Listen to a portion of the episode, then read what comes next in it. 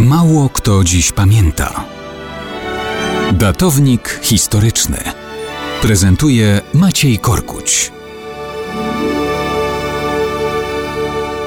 Mało kto dziś pamięta, że kto wie, kto wie, być może równe 495 lat temu, 20 września 1527 roku, odmieniła się historia Królestwa Polskiego i Wielkiego Księstwa Litewskiego.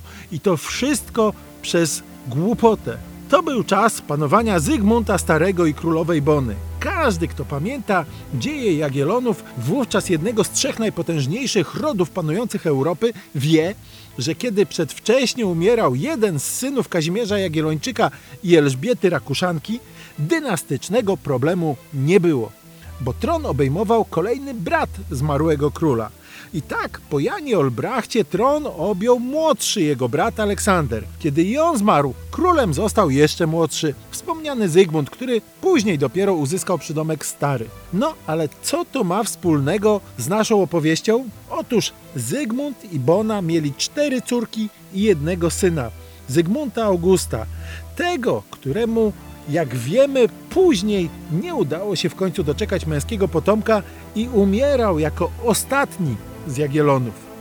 Wszystko, co się wówczas działo, łącznie z reformami ustrojowymi, podporządkowano temu, że Jagiellonów już nie będzie. A co by było, gdyby Zygmunt August miał jeszcze młodszego brata? Kto wie, kto wie. Zapewne wiele rzeczy potoczyłoby się zupełnie inaczej i sęk w tym, że on miał młodszego brata, bowiem we wrześniu 1527 roku królowa Bona była w piątym miesiącu ciąży. Nastroje w rodzinie królewskiej były doskonałe i oto 20 września król dla rozrywki zarządził polowanie na niedźwiedzia.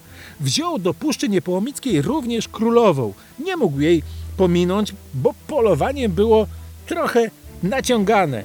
Niedźwiedź był już złapany wcześniej na Litwie, nagonka przygotowana, a zwierz przywieziony w skrzyni. Tyle, że kiedy wypuszczono go tuż nad brzegiem Wisły, jakoś swej roli łatwej ofiary odegrać nie chciał. Poturbował ponad 100 gończych psów, nie dało mu rady 300 chłopów z oszczepami i, co gorsza, rzucił się tam, gdzie na koniu siedziała spokojnie królowa. Koń się zerwał do ucieczki, królowa spadła i to spowodowało przedwczesny poród. Inkubatorów nie było. Pięciomiesięczny brat Zygmunta Augusta otrzymał imię Olbracht, ale zmarł jeszcze tego samego dnia. A gdyby żył, kto wie, kto wie.